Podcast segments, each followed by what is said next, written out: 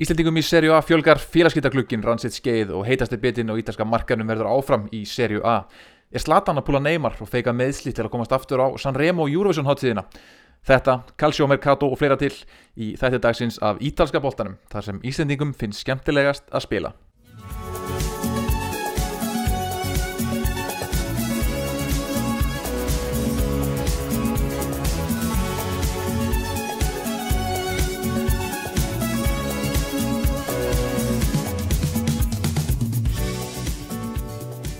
Ég voru velkomin í þennan uh, nýjasta þátt af ítalska boltanum. Það eru þetta stóra fréttir uh, sem ætla að byrja að fjallum þegar Albert Guðmundsson skrifaði undir hjá Genoa og verður nýjast íslendingurinn í Serju A.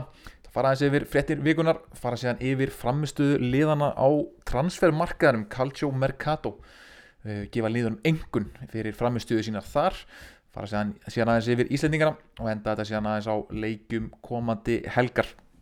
Það eru þetta stórleikur um helgina, Derby de la Madonnina, þar sem Inter og AC Milan mætast. En byrjum á stóru fréttum vikunar því að á mánundagsmorgunin 31. janúar lendi Albert Guðmundsson á Ítarsi grundu og var að fjölmjölu myndaður á Aeroporto Cristoforo Colombo, flugstöð Kristoffers Kolumbusar sem stendur á hafnabakkanum í Genoa. Albert hjælt síðan í lækningsskóðun í Sinlab í Baluardo í gömlu höfnunni í borginni áður en hann heimsótti síðan höfustöðvar félagsins og skrifaði undir tveggja og háls á samning við elsta knastbyrnu félag Ítalíu Genoa Cricket and Football Club. Hann er sagðið kosta Genoa 1,2 miljónir evra, það gengur til ísins frá Aseta Alkmaar í Hollandi og hann fetar þar með í fótspor að langafa síns og alnafna Albers Guðmundssonar sem að leik í serju A með AC Milan árið 1948 og 49. Langafa hans leik 14 leiki og skoraði 2 mörg gegn Atalanta og Modena. Genoa er annað tveggja stóru liðana í Genoaborg, hitt liðið eru þetta Sampdoria. Genoa hefur unnið ítalsku deildina nýju sinnum, gerði það síðast árið 1924, það er með ansi langt síðan eh, það hefur skilað titli í hús. Genoa er í brasi, þeir eru sem stendur í 19. seti í deildinni og í harðri fallbaróttu og eru búin að vera það allt tímabilið. Þegar tímabilið hófst var Davide Ballardini þjálfari liðsins, maðurinn sem hefur bjargaðin frá falli aftur og aftur. Fórseti félagsins til margra ára var Enzo Preziosi, leikfangasali og að var umdelt persóna í ítalskrinni knarspinnu. Og svo í november var Ballardini rekin og Genoa var í næst neðsta sæti. Og um svipa leiti kifti bandaríski fjárfestingasjóðurinn 777 Partners félagið og réð Andriy Shevchenko sem þjálfara en hann hefði getið af sér gott orð sem þjálfari úkrænska landsleisins á EM í sumar. Undir stjórn Shevchenkos vannst uh, engin leikur, uh, þetta hafa verið 6 töp og 3 jafntefli og hann var látið fara núna í byrjun januar þá sem var ráðin í hans stað er Alexander Blessin þýskur þjálfari sem hefur áður þjálfað úlingarlið RB Leipzig og síðan í KVF Ostende í belgísku deildinu og náð fínum árangrið þar.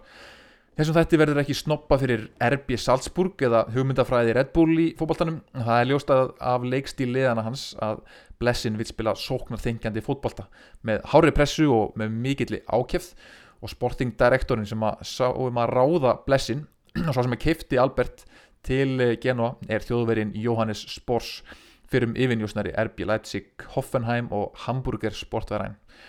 Genoa ætla því að gjur breyta leikstíliðsins frá því sem að Ballardini og Shevchenko voru að dútla með sem var nú frekar varnasinnaður og hundleðilegu fókbalti og það sést líka á innkaupunum því að núna í vetraklukkanum er Genoa búið að sækja hefti leikmann frá Young Boys Leo Skýri Östegård, varnamann norskan frá Brighton, Kelvin Jeboa, frændi Tony Jeboa, sóknarmæður sem kom frá Sturm Graz núna í, í januar og hefur, hefur búin að spila þrjáleiki en eh, hefur ekki fundið netmöskana ennþá en, en á að vera sprækur Ricardo Calafiori vinstri bakverður, fýtspilari sem kemur á láni frá Roma, Alberto Piccoli er strækir frá Atalanta sem að mér finnst vera spennandi, Nadim Amiri er sóknarsinnaði miðumæður frá Leverkusen sem hefur já, sínt flott að takta í búndislíkunni og Morten Frendrup er danskur miðumæður sem kemur frá Bröndby og er aðeins tvítuður aldrei en búin að spila um 20, nei, 100 leiki fyrir Bröndby nú þegar þráttur ungan aldur. Þannig að þetta eru svona ungir spræki strákar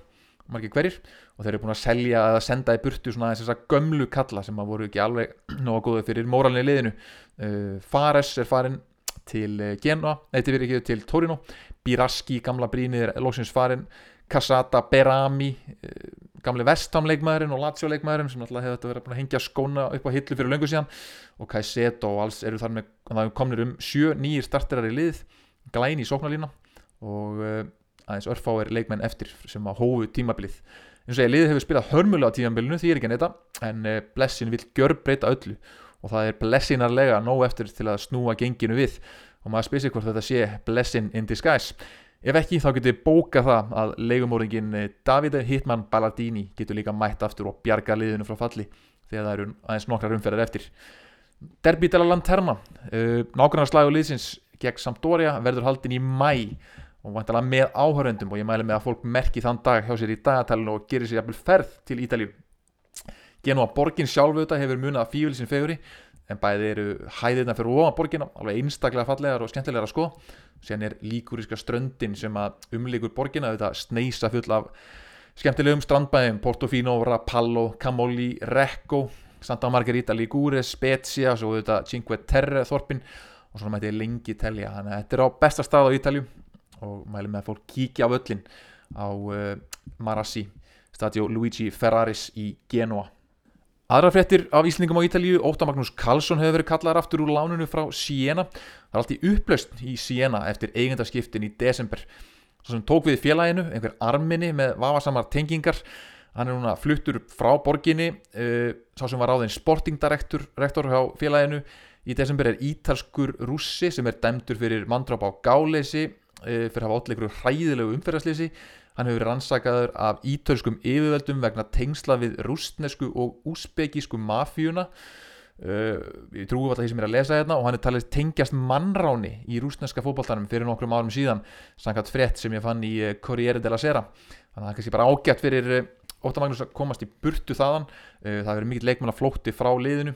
Uh, liðið þetta ekki staðið sér sérstaklega vel og er ekki náttúrulega því að verðin eitthvað bara um að komast upp úr seríu sé og og uh, með að við líka svona fjárasvandræðin sem voru hérna í desember með þessum nýju eigundum sem gátt ekki fengið bankatryggingu mjög tröstíkjandi þá uh, held ég sé bara fínt að koma sér það hann er komin aftur til Venecia og uh, ég bara veit ekki reynilega hvert planið er hvort að hann, planið sé hann verður aftur lánaður út í til félags í serju B eða serju C.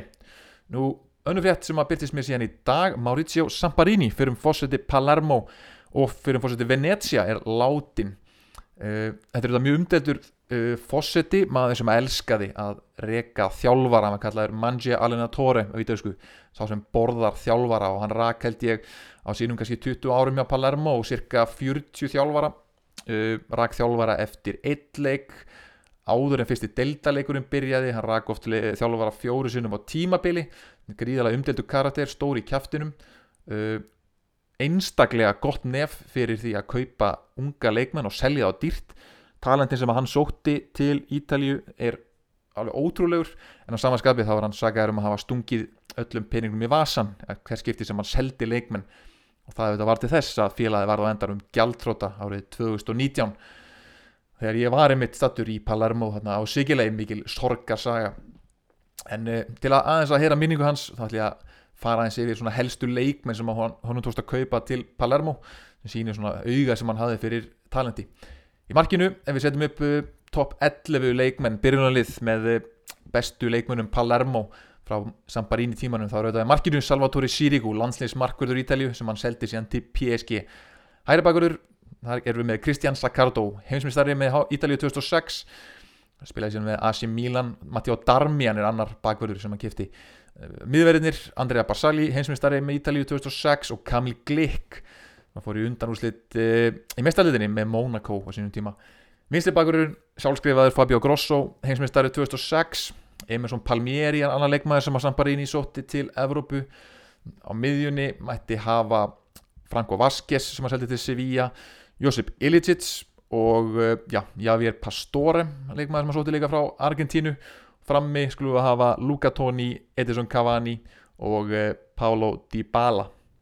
Og nú er ég ekki búin að nefna leikmenn eins og um, Simone Barone heimsmystari með Ítalíu 2006 Amaury Fabrizio Miccoli Simon Kjær, sóttan frá Danmörku Antonio Nocerino, Federico Balsaretti fullt á stórkoslegum leikmennum sem að eh, Samparini sótti og eh, fótbóltalesi verður minningu hans heiðrað í þessum þætti þótt að personan hún verður ekki heiðruð hér frekar Það er marga skemmtilega sögur af Samparini og ég sá einn á Twitter aðan það sem að Harður Palermo stuðnismæður árið 2013 var komið alveg upp í kók af Samparini og ákvaða að senda langt bref á e-mailiðas e, þar sem hann spurði hvað hann var að hugsa eftir að hafa reikið þjálfvaran í ennitt skiptið og baði um útskýringar. Hann regnaði með því að þessi tölvupostu myndi bara rata í spam-hólfið hjá Maurizio Samparini hann hefði sem fósitið félagsins ekkit tíma til að vera að svara einhverjum stunismunum en uh, sólareng síðar þá beigð hans langt og ídarlegt bref uh, fullt af uh, stafsendingavillum hann gæti ekki stafsett nafnið á einum einasta leikmanni í liðinu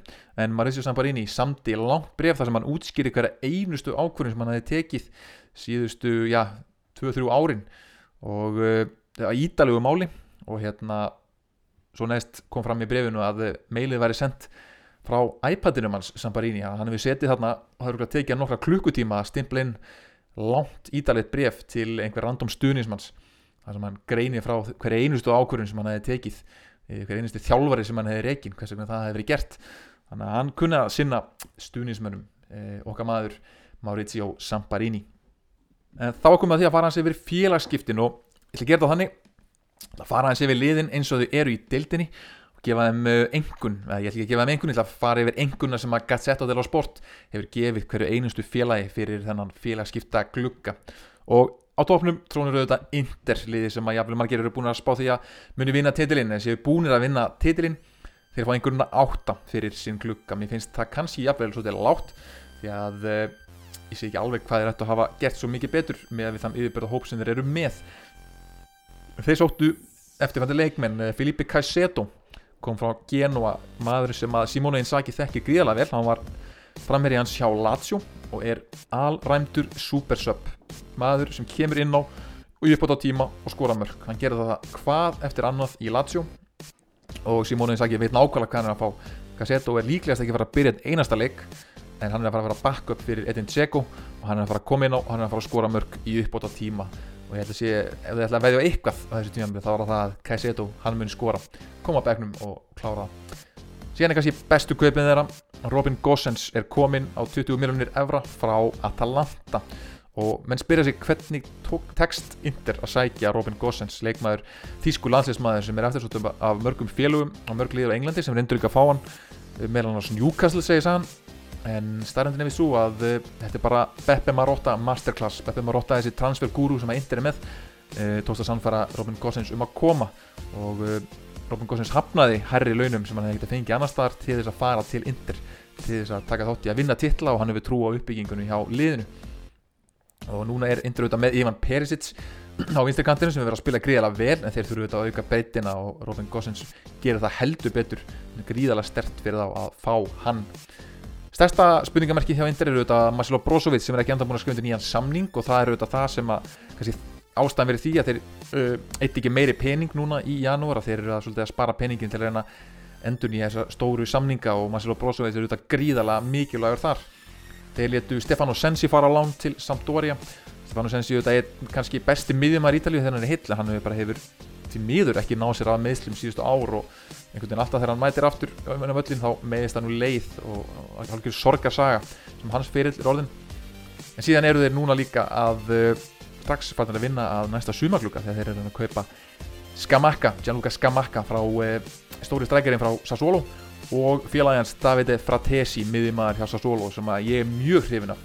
Vegna sem er uppalinn hjá Róma spilaði fyrra í serju B hjá uh, Berlusconi og félagum í Monza og búin að vera frábær núna hjá Sassuolo og ég, ég kemur óvart að þessi ekki önnu lið búin að sækja Davide Fratesi, mjög spennandi leikmaður og svo kemur auðvitað Onana markmaður frá Ajax í, í januar þannig að þetta líður allt saman vel út hjá Inter og e, já, þeir svona styrtu sig kannski ekkert gríðalega mikið byrjunalið en komin aukin breytt og uh, þeir munu sikla þessum títli heim. Aðra sögur að segja af Napoli Napoli stundismenn eru ekki sáttir. Uh, þeir eru auðvitað seldu Kostas Manolas sem var orðin halgjöru meðslapjesi hjá þeim og eru konum með Tuan, uh, Tuan Sebe í snæðin sem er ákveðið uppgreitt út af þessum meðslum þeir uh, vildu mjög mikið fá Adnan Janusæ frá Spáni og Bayrami albanskan sóknamann hjá Empoli. En fórseti Napoli hann reyfi ekki gikinn þar og hætti við. Hann vil tryggja það að liði komist í meistardildina áður en að fyrir að eigða peningum. Þannig að eh, þið gerðu lítið Napoli, er í öðru seti eins og er.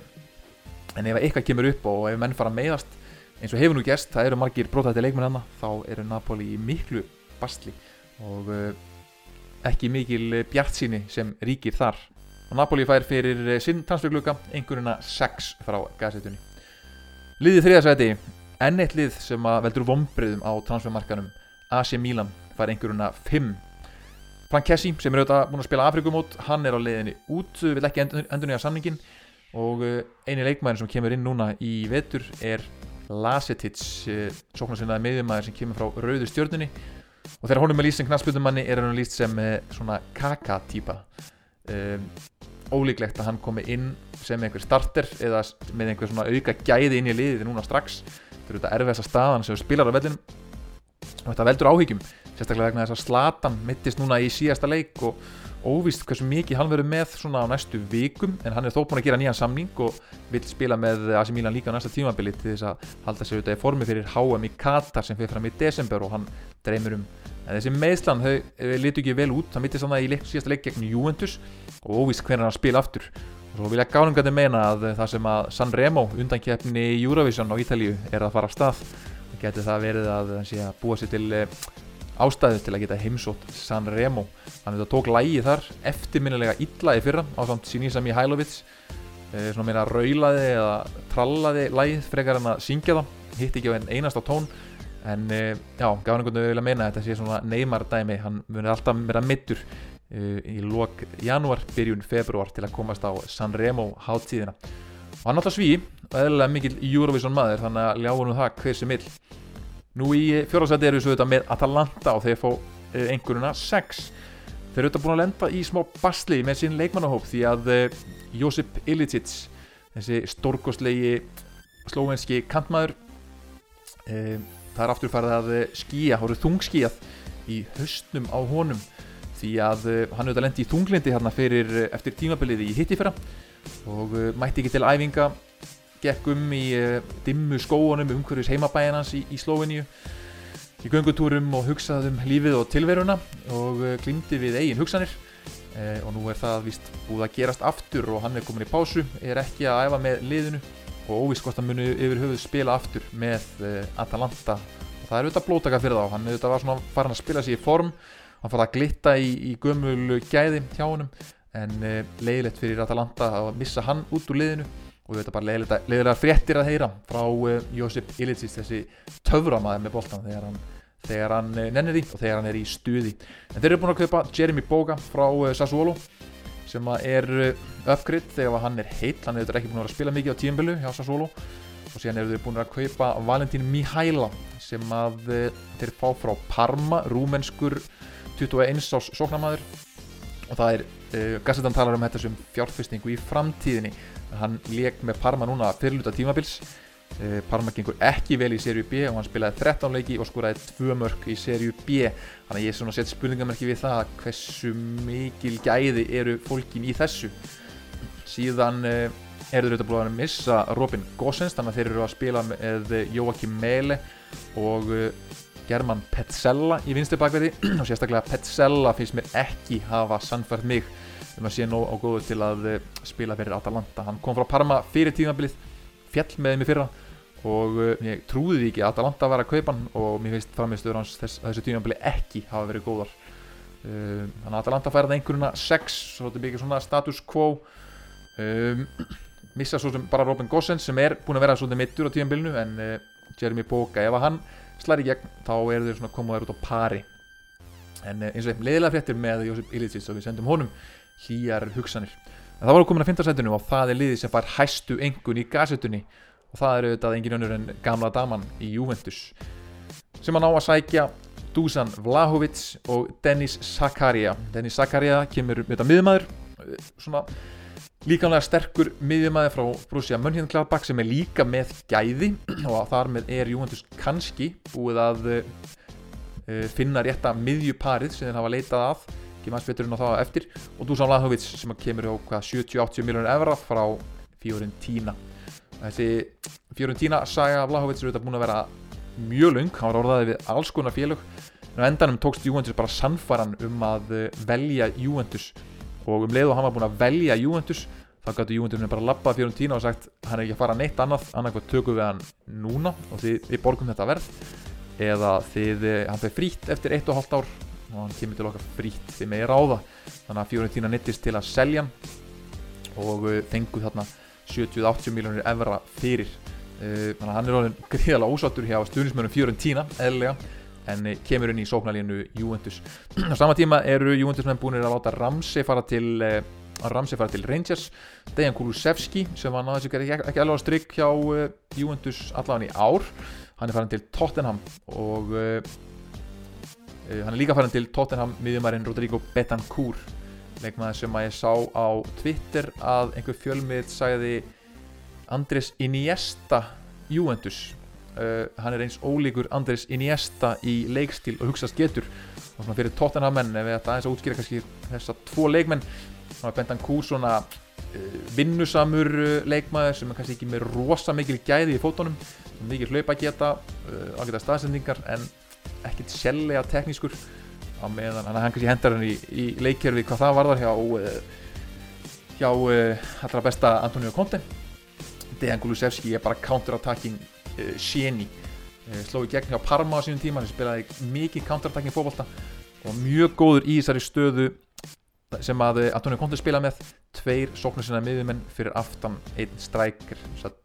Svona hann að ég sé fyrir mér að hann og Son sé að fara að spila fyrir aftan Harry Kane. Og Guð hjálpi anstæðingunum með að Kulusevski næsir á stryk mjög fljótur, fljótur með boltan en líka háasinn og sterkur. Uh, kannski físikinn hans sem er mest spennandi fyrir, um, fyrir ennsku dildina Nú þá er spurningin hvernig Juventus ætlar að spila. Búin að losa hann að þessi þessar miðjumenn og konum með Zakaria í staðin uh, menn er að halda þá að þeir sé að spila með Zakaria og uh, Locatelli saman tvo á miðjunni. Síðan með uh, Dybala fyrir framann og Bernadeschi og Quadrado á kantonum og síðan Vlahovic upp á topp og Morata verður þá varamaður fyrir Vlahovic það sé svona líklegast sem geta líka spila 4-3-3 með Dybala hægra meginn, Vlahovic í miðjunni og svo Morata eða Bernadeschi á vinstri. Það er þessar tvær aðferðir. Og sé, þetta hefur verið vandamál hjúundurs miðjustafan og uh, eftir að þeir unnu títlana þeir unnu títlana það voru auðvitað með Pirlo, Pogba og Arturo Vidal sem var kannski bara besta miðjan í heiminum á þeim tíma. Síðan eftir það voru þeir með uh, squad player sem kom inn í þetta eins og uh, Sami Khedira sem var fítinn á góðum degi og sama ásöksum við um Bentancur sem hann gæti leist einhverja ákveðna stöður. Ramsey spilaði einhverja leiki sem var nóg svona í deltaleikjunum en uh, hann vant að þessi gæði og núna að vera með Locatelli og uh, Zakaria þá held að þessi er komin með þarna þennan, uh, þetta miðjudú og sem þið þurfa. Og svo eru þið líka sennilega að fara að kaupa Jorginho í, í sumar frá Chelsea. Það er svona draumur þeirra. Þá eru þið komin með helviti góða miðju það verður að segjast eins og er en gríðarlega sterkur klukki hjá Juventus. Þeir eru auðvitað lækkuðu launakostnaðin hjá sér með því að losa þarna uh, Ramsey, uh, Kulusevski og Bentancur og taka inn þessar tvo leikmenn Zakaria og uh, og Lahovic sem eru líka búin að sækja efnilegan varnamann frá Frosinone sem þeir lána síðan áfram þanga út tímanbili, ég er ekki alveg með hann hérna en hann ávist að vera mikið efni og kiptur þetta á 7 miljónir evra sem er eitthvað mikið fyrir varnamann úr serju B sem að mörg lið og líka utan Ítalið voru vist að eldast við þannig að uh, þeir þurfum alltaf að fara að endur nýja varnarlinu hjá sér uh, því sem er Chiellini og Bonucci verða eldri en hvort að einhver ungu leikmaður úr serju B sé að lausnin það er önnu saga þá erum við komin að liðinni í sjötta seti uh, Róma sem far einhverjuna sjö hjá gazettunni fyrir framistuðu sína á transfermarkanum þeir eru að líta til framtíðar þeir eru eittu ekki um efni fram og uh, þeim tóks kannski heldur ekki að losa alltaf þá leikmenn sem átt að losa Stóru leikmennir sem þið kiftu voru þetta tveir. Það var eh, Sergio Oliveira sem kom frá Porto, miðjumæður. Uh, svona komur koma óvart að það skulle ná að retta honum en það kannski tengist í auðvitað bæði er Mourinho, Portugali og uh, búin að vera auðvitað uh, átrúnaða góð Oliveira frá því að hann var lítill og síðan er Pinto yfir maður íröldamála hjá, hjá Róma, hann er líka Portugali. Það er ekki portugalska markaðin vel. Og í Sergio Oliveira fær Róma samkvæmt gazetunni eh, Leadership Egol eins og þeir segja.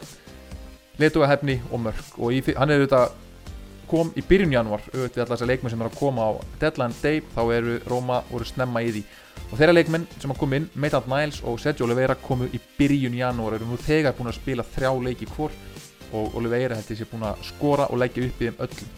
Uh, hann kemur inn með þetta svona ásótið að vera leiðtógin kom inn, tók vítin, hirti boltan fór á punktin og skoraði eftir að Róma hefði verið einhverju vandraði með að skóru vítum. Kemur inn og verður svolítið móðufokkar og það er nákvæmlega það sem að Róma þarf og það eru sjálfsögðu það sem að Mourinho vil og síðan er Maitland Niles eh, komin inn sem einhver svona getur leist allar bakverða stöðunar búin að spila bæði leiki í hæri bakverði og vinstri bakverði og vang bakverði. Uh, kemur inn með svona kraft. Þannig að þetta er svona leikmenn sem að uh, Róma hefur virkilega þurft á að halda. Uh, síðan áður að losa hérna Gonzalo Villar, Majoral Spánverðarnir tveir sendir aftur til Spánar með frímerki á rassinum Eh, og síðan eru þeir strax líka farnir að líta til sumarsins og vilja þá fá Granit Xhaka. Danilo frá PSG Gonzalo Guedes frá eh, Valencia. eh, og Grillits eh, svísendingurinn er svona leikmenn sem þeir eru að skoða og þeir þurfa svona aðeins að styrkja sig þá og eru strax farnir að vinna að því. Eh, þannig að Róma fær 7 eh, fít markaður, ymmið tvei leikmenn sem þeir þurftu en þetta kannski getur volað spennandi. Þeir voru ekki að bæta einhverju krytti í sóknarleikin hjá sér eins og kannski einhverju voru að vonast eftir. Fiorentina, sjöndarsæti, fá 5 í engun og það eru þetta bara vegna þess að Vlahovic er farin út. Það eru komin spennandi leikmennin finnst mér Ikone er komin frá Lille sem á að vera mjög sprækur kantmaður. Cabral er sóknarmaður sem kemur frá Basel í uh, Sviss, hann á að vera alvöru strækjar og á að vera byrjunarstrækjarinn uh, eftir, að Vlahovic er farin sen eru þetta Kristof Piontek komin uh, gamli, gamli Genoa, Genoa kempan sem að kannar ræðin mörgum í þessari dild en Vincenzo Italiano býður ærið verkefni ef hann ætlar að halda áfram gengi Fiorentina og nú fáum við kannski sjá úr hverju hann er gerður. Ég held að þeim ná ekki að fylla skarðið hjá Vlahovic, það er enginn að fara að skora öll þessi mörg þetta þurfa að, að dreifa markaskorunni betur. Og Fiorentina mennin segi þeir hafa eitt svolítið peningum í þessa leikmenn í Kone og, og Cabral. Og stundismenn Fiorentina eru ekki sáttir með að hafa mist Vlahovic með þessum hætti í, eh, eftir þeim fáum við Lazio og þar eru líka stundismenn vægast að brjálaðir og Maurizio Sarri þjálfari er líka brjálaðir út í eigin yfirmenn. Uh, þeir keftu, já líka leikmann sem heitir Cabral, þessi er eldsnökkur vinstri kampmaður sem kemur frá Sporting í Portugal. Uh, samt ekkert spá því kannski að verða einhver starter og síðan eru komin varnamæður sem heitir Kamenovic frá liði sem heitir Kukaricki. Uh, varnamæður sem er líka á bara að vera backup. Þeir rindu allan í janúar að fá Miranchuk uh, svona svona miðjumannin frá Atalanta. En það gekk ekki og Maurizio Sarri er ekki sáttur. Og ætli hann og stjórnismennliðsins fari ekki bara saman að mótmæla þessu, þessu aðgerðaleysi Iglitare og Claudio Lotito þeir sem stjórna hjá Lazio. Nú, í, hjá Verona er hún að fara einhverjuna 6 og það er alveg vegna þess að þeir náða að halda í sína sterkustu leikmenn. Stóru liðin voru með umsátur um uh, Ilic, Antonín Barak og uh, Ítalan Casale. Þeir eru stjórnuleikmenn liðsins sérstaklega Antonín Barak en þeir náða að halda þeim öllum og tóku sér hann einn smá meiri breytt í, uh, í Fabio De Pauli sem er bara skotplegir og þeir munu ekki falla, þeir eru auðvitað hátt uppi og kannski óþarfi fyrir það að eigða peningum núna. Þeir kannski reyna bara, ef maður þekkir ítursku fósitana rétt, þá reyna þeir núna bara að spila á sínum bestu mönnum reyna að gefa þeim svona jack up startsi hjá þeim gefa Antonín Barak vítin og reyna að selja hann á, á mikla peninga í sumar. Það er svona taktíkinn það liður búin að begja sér frá falli. Það er að hækka startsi hjá, hjá eh, söluvörunum og reyna að selja á eins hátt og hægt er. Nú, eh, íslenska fréttir frá Hellas Verona, Arnar Númi Gíslason eh, er búin að æfa með Hellas Verona í janúar og lingar landsinsmaður sem tilheri Breiðarblik og uh, hann átti síðan vist að æfa með öðru félagi líklegast á Ítalíu á þannig að snýra aftur til Íslands, ég hef ekki alveg komist að því hvaða félag það er. En þá erum við komin á Torino og það er lið sem fær líka að háa einhvern fyrir sinn transfergluga 7,5 það er Torino frá uh, gazettunni. Þeir eru þetta fengu Fares, vinstri kampmanninn frá Genoa sem að Þjálfverðin Ivan Juric tekkir gríðalega vel þegar þetta unnu saman hjá uh, Hellas Verona. Sérna eru við konum með Pietro Pellegri, sóknamann frá AC Milan, efnilegur leikmaður, uh, alveg upp hjá Genoa, fór til Monaco ungur, kom síðan til AC Milan en er alltaf mittur. Hann er byggður eins og mústenshús en er alltaf mittur því miður. Og uh, hann búin að meittu hvað sem hann hefur verið og ég sé ekki fyrir mér nema þá að uh, Torino sé með einhverja galdralækni hjá sínum snærum að Pietro Pellegri sé að fara að slá eitthvað í gegn hjá Torino.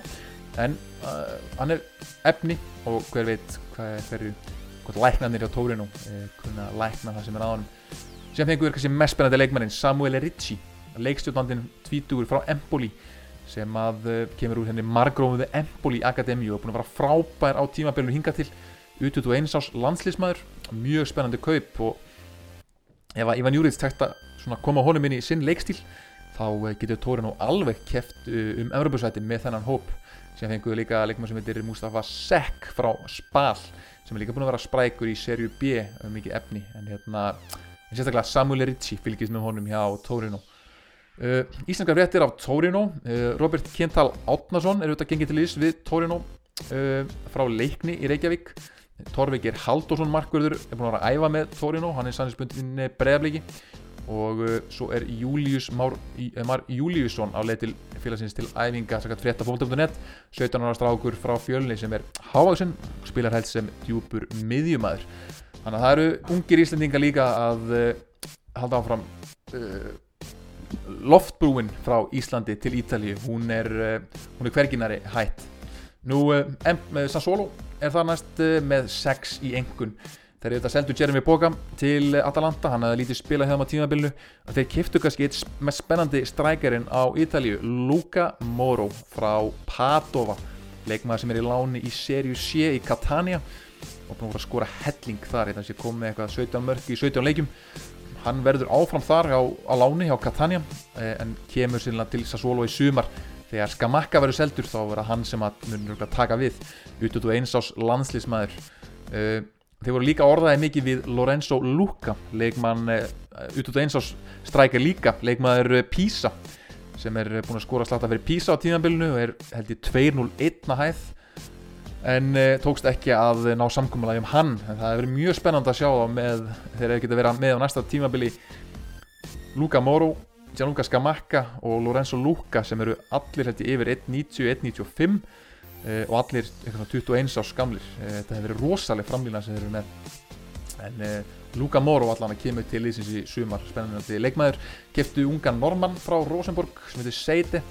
Keftu einhvern óþægtan Brasilíumann Juan frá Gremio en annars Sassuolo frekar lítið og kannski voru meira í þessum litlu kaupum eins og þeir eru oft kaupa unga og efnilega leikmenn og búa til uh, sölufur úr þeim. Empoli 5,5 í engun keftu uh, Marco Benassi frá Fiorentina þetta er hann að efndur lífka hans feril sem við talaðum hansi mikið undanfarið þeir eru þetta líka líklegast búin að bjarga sér frá falli. Seldu Samuel Rizzi eins og ég sagði hann til Torino sem var þeirra, þeirra besta leik, bestu leikmönum uh, þeir fá að halda áfram framherja uh, ungstjörnunum uh, Patrik Cutrone, Andrea Pinamonti og Albanin Bayrami sem er líka búin að vera frábær hjá þeim. Bayrami var orðaðið mikið við Sassuolo í sumar en hann hafnaði þeim til þess að hann vil fara til Napoli í sumar.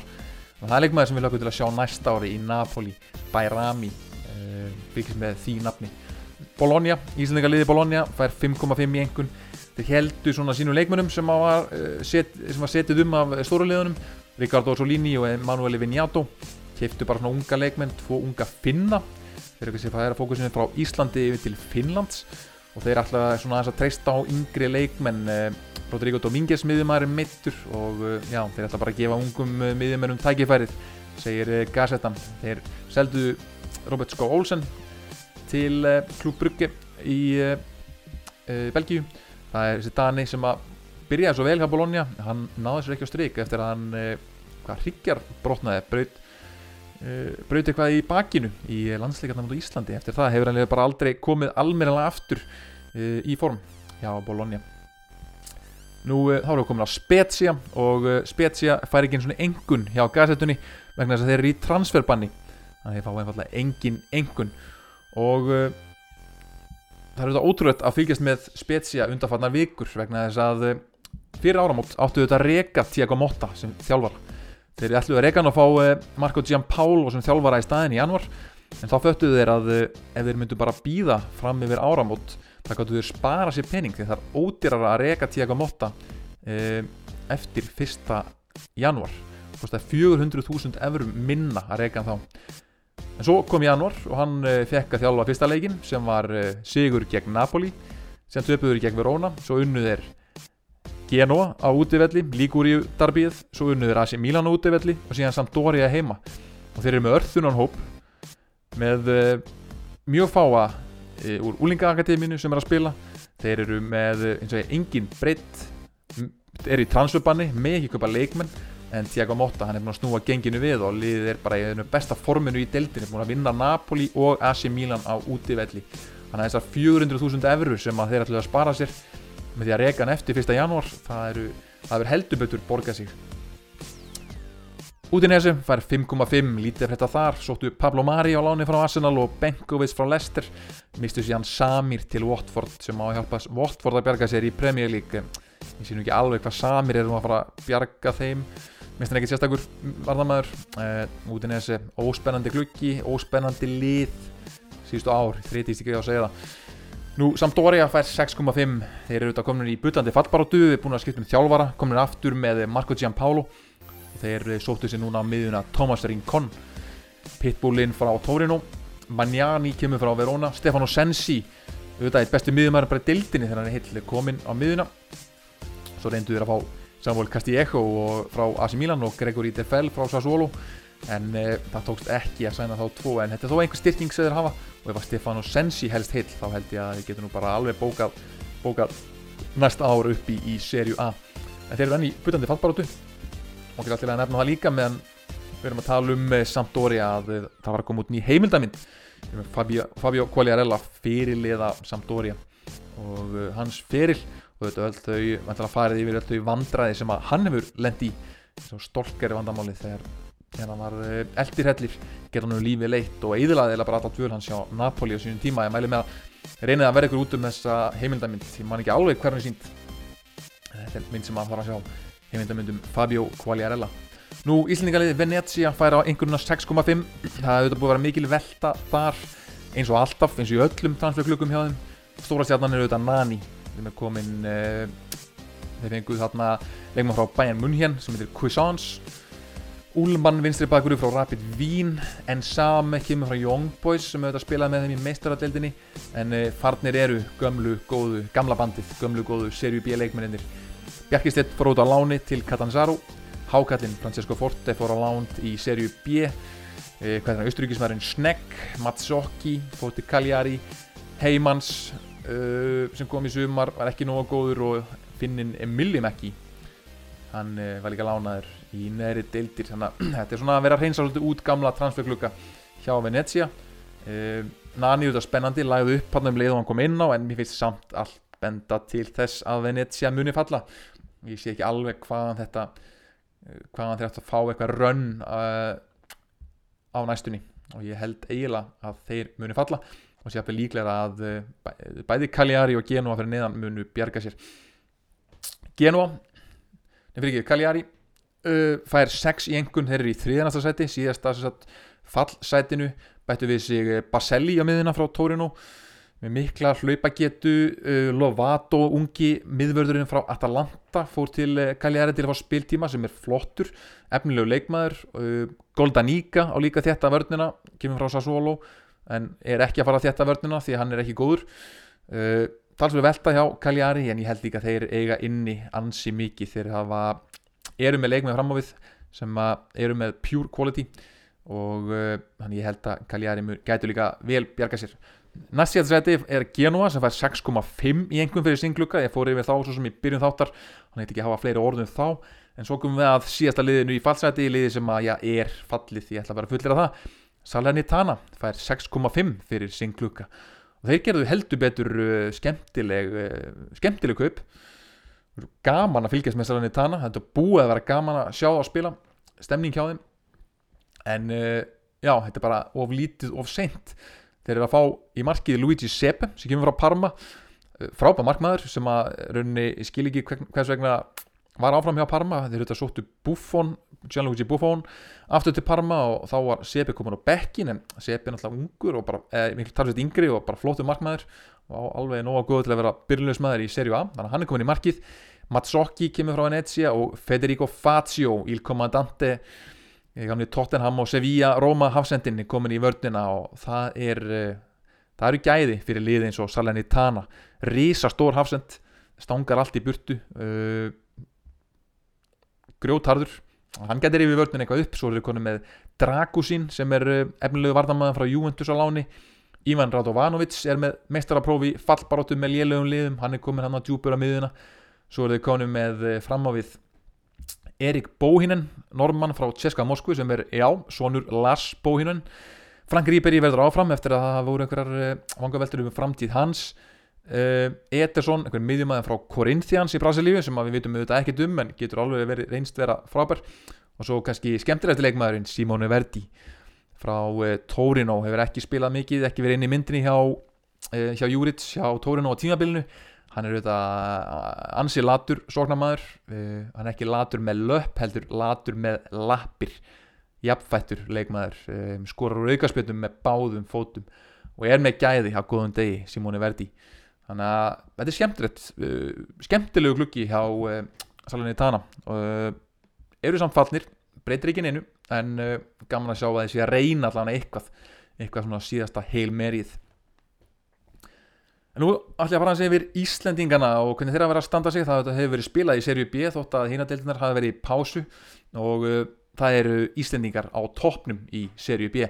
Hjöttur Hermansson er að starta allar leiki hjá Písa í topparatunni uh, Písa auðvitað eins og ég eru með hennan frábæra framir að Lorenzo Luca og eru líka búin að styrkja sér núna í klukkanum eru komin með Ernesto Torregrossa Ernesto sagt, stóri turnin er komin uh, til Písa eins vinduð og það er. Og Georgis Puskas er komin frá Redding og Ahmed Benali gamla Manchester City talentið þeir komið frá Crotone og þeir ætla sér upp Písa uh, góða styrkingar. Uh, þeir fá einhverjuna átta hjá gazetunni Tóri Jón Helgason er að fá spiltíma hjá Lecce, hann hafði startaði hérna í janúar í byggarnum gegn Róma. Uh, gegn Josef Mourinho og félögum eins og þeir eru kallaðir núna. Uh, uh, þeir, hann er líka búin að koma í sögu í tveimur deltaleikjum, kemur inn á annars vegar hálftíma og síðan eitthvað 5-10 mínútur. Og Lecce er líka búin að bæta við sér breytt Pantali og Corvino í þetta mála, hann veit hvað hann gerir. Og er búin að auka breyttina í hópnum. Og hann fara einhvern veginn að 7-5 fyrir transfergluggan og ég er eiginlega bara farin að spá því að að það séu Písa og Lecce sem að munun á þessum, þessum fyrst eftir tveimur sætum sem gefa beint sæti í serju A. Þetta hefur verið mjög happadrútt fyrir lið í serju B að vera með Íslanding innanbors því að síðustu tveimur árum þá hafa lið með Íslanding innanbors farið upp í gegnum umspilið. Annars við erum Svetaran Guðansson og félagar í Spezia. Síðan voru það Bjarkisteinn og Óttar hjá Venezia. Þannig að það lofa góðu fyrir lið að vera með Íslanding innanbors svo voru það Emil Hallfriðsson líka með doktorgráðu að fara upp um deildir með Hellas Verona. Þannig að Pisa og Lecce slúm vona við krossengið fingur og þau tvö lið komist upp í serju A.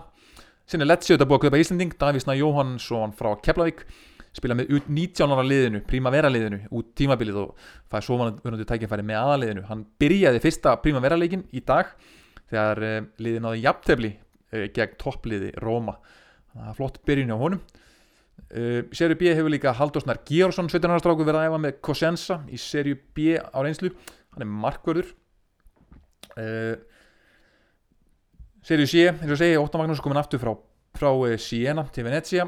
Og Bjarki Steinn komin til Catanzaro þar sem hann byrjaði fyrst uh, deltabyggarleik í hennum svo kallar Serju C byggar upp á spyggarkefnin mín byrjaði þann leik þegar þau töpuðu nömmulega satt svo að bekknum hann kom inn á í leiknum gegn Palermo. Uh, þegar unnu sterkans nei fyrir ekki, hann kom ekki inn á þá heldur kom inn á gegn í Sigri á Catania. Þegar við þetta bæði það var náði, náði fín úslit eftir að hann kom hana til Catanzaro í suðrinu. Og fyrir svo hans í Kvennaboltan því að þar eru réttir Anna Björg Kristjánsdóttir, hún er búin að starta sin fyrsta leik fyrir Internationale í leik gegn Lazio núna í januar hún leikunum vannst 3-1 og Annabjörg var í liði vikunar í miðverðunum fekk mjög góð að doma, bjargaði einu svona marki með frábæri tæklingu og síðustu stundu. Alveg tækling sem hefur farið væral. Og gaman að sjá hana komna aftur og spurning hvort að hún er möguleika á landsliðinu í sumar sem er auðvitað að fara á stórmót. Hún spilaði svo líka byggarleik Inter gegn Juventus í áttalega úslutum, fyrirleikur liðana í, í áttalega úslutum ítalska byggarins og liði náði 1-1 jafntefli gegn Juventus þessu langbesta lið Ítalíu. Þannig að og Juventus jafnaði í uppbóta tíma beintur hotspinnu þannig að eh, flotta framistöður hjá Önnubjörg hérna í byrjun tímanbyrg svo gaman að sjá hann að vera að komna á skrið þessa gamlu bekkjæsistu mína. Og uh, já, fórum að sjá uh, hvort að Inter ná að vinna sér eitthvað upp töfluna. Gunni Arnóndóttir, hún er búin að vera meitt uh, hjá AC Milan hefur ekki verið með sístu tveimur leikjum.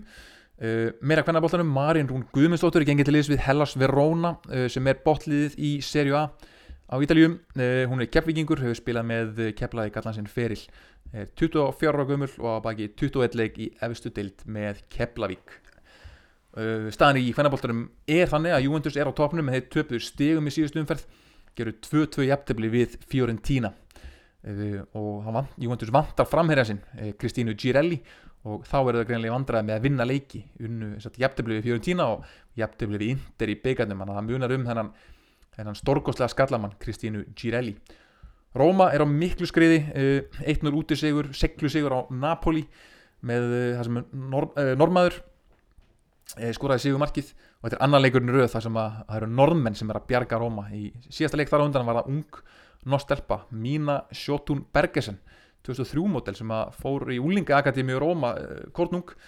Hún kom inn á og snýri leiknum, breyti leiknum hjá Róma. Þannig að það eru unga stelpur frá, eh, frá Noregi sem er að ganga til liðs við Róma og er hann á fínum árangri. Og Róma er í harri barótu við AC Milan og síðan eh, Sassuolo og Jappel Inter, ef það er að fara á skrið um annarsætið, það eru efstu tvö sætin sem að gefa meistarallita sæti og eru eh, þetta mikilvæga sæti í ítalska bóltanum því að Juventus muna öllum líkitum vinna titilinn En að lókum, þá skulum við fara aðeins yfir leiki helgarinnar. Og það er engin smá leikur sem þetta hefst alls saman með á miðvíkudaginn því miður ekki sjónvarpið á Íslandi því að það er engin ennþá múin að kaupa sjónvarsettin að ítalska kallaboltanum uh, því miður. En uh, fyrsti leikurinn er þetta á lögadaginn klukkan 2 uh, og það er AS Roma Genova. Albert Guðmundsson og félagar á móti Jose Mourinho og félagum eins og við köllum þessi lið mætast á Stadio Olimpico í Róm Nú Inter mætir svo AC Milan klukkan 5 á lögadaginn Derby della Madonnina. Stór leikur helgarinnar heldur betur. Og uh, góðu leikur í barátunum Europasætið um kvöldið þar sem að Fiorentina mætir Lazio. Uh, tvö liði sem átlu vonbröðum á markanum í, uh, núna í januar nú á sunnundaginn mætir Atalanta svo Cagliari í hátægisleiknum Bologna mætir Empoli. Sampdoria mætir Sassuolo þetta er ekki alveg áhugaverið leikir hérna. Venezia mætir svo Napoli uh, klukkan 2 á sunnudaginn. Udinese mætir Torino og um kvöldið er það svo Juventus sem mætir Verona og þeir spá því í ítalsku fjölmjölum að Dusan Lahovic muni byrja frá fyrstu mínútu og ekki veitir Juventus af að byrja með sína hættulegustu menn. Á mánudaginn síðasta leikurinn koronan yfir þetta allt saman einhverju tala um það jafnvel sem uh, stórleik vikunar Salernitana Spezia. Uh, baráttan, er heldur betur fattbartu slagur uh, grútfalli lið á móti liði sem er sennilega það sem mun lendi í mesta barsli núna. Það sem eftir lifi tímabils Salernitana Spezia. Kvöldleikurinn á mánudaginn. Ekki, hann ekki á sunnudaginn, mann mánudaginn skrifið þetta hjá okkur. Svo rugglist nú ekki og missið af Salernitana Spezia Hjá stelpunum þá er Rasi Milan og Guðni og félagar að mæta Lazio á laugadaginn um, á meðan uh, Anna Björk sem er bara komin í byrjunleiði hjá uh, Inter það er að mæta Empoli á sunnudaginn klukkan 13.30 uh, Verona uh, Marín Rún Guðmundsdóttir og það er mæta toppliði Juventus. Það er ekkit annað hjá botliðinu á sunnudaginn klukkan 13.30 uh, einnig en ég læti þetta gott heita þessu sinni uh, og það sem að uh, Zlatan er mittur, það er að koma Sanremo, það er að koma Eurovision það skulum við enda þetta á uh, gömlu og góðu Eurovision tengdu lagi að þessu sinni.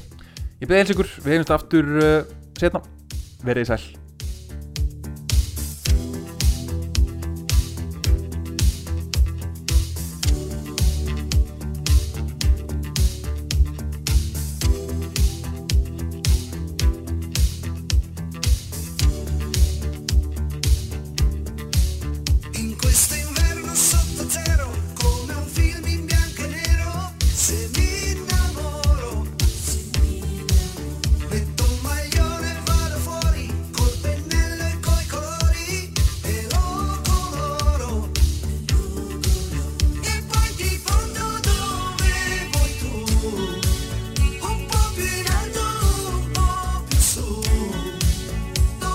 Jesús.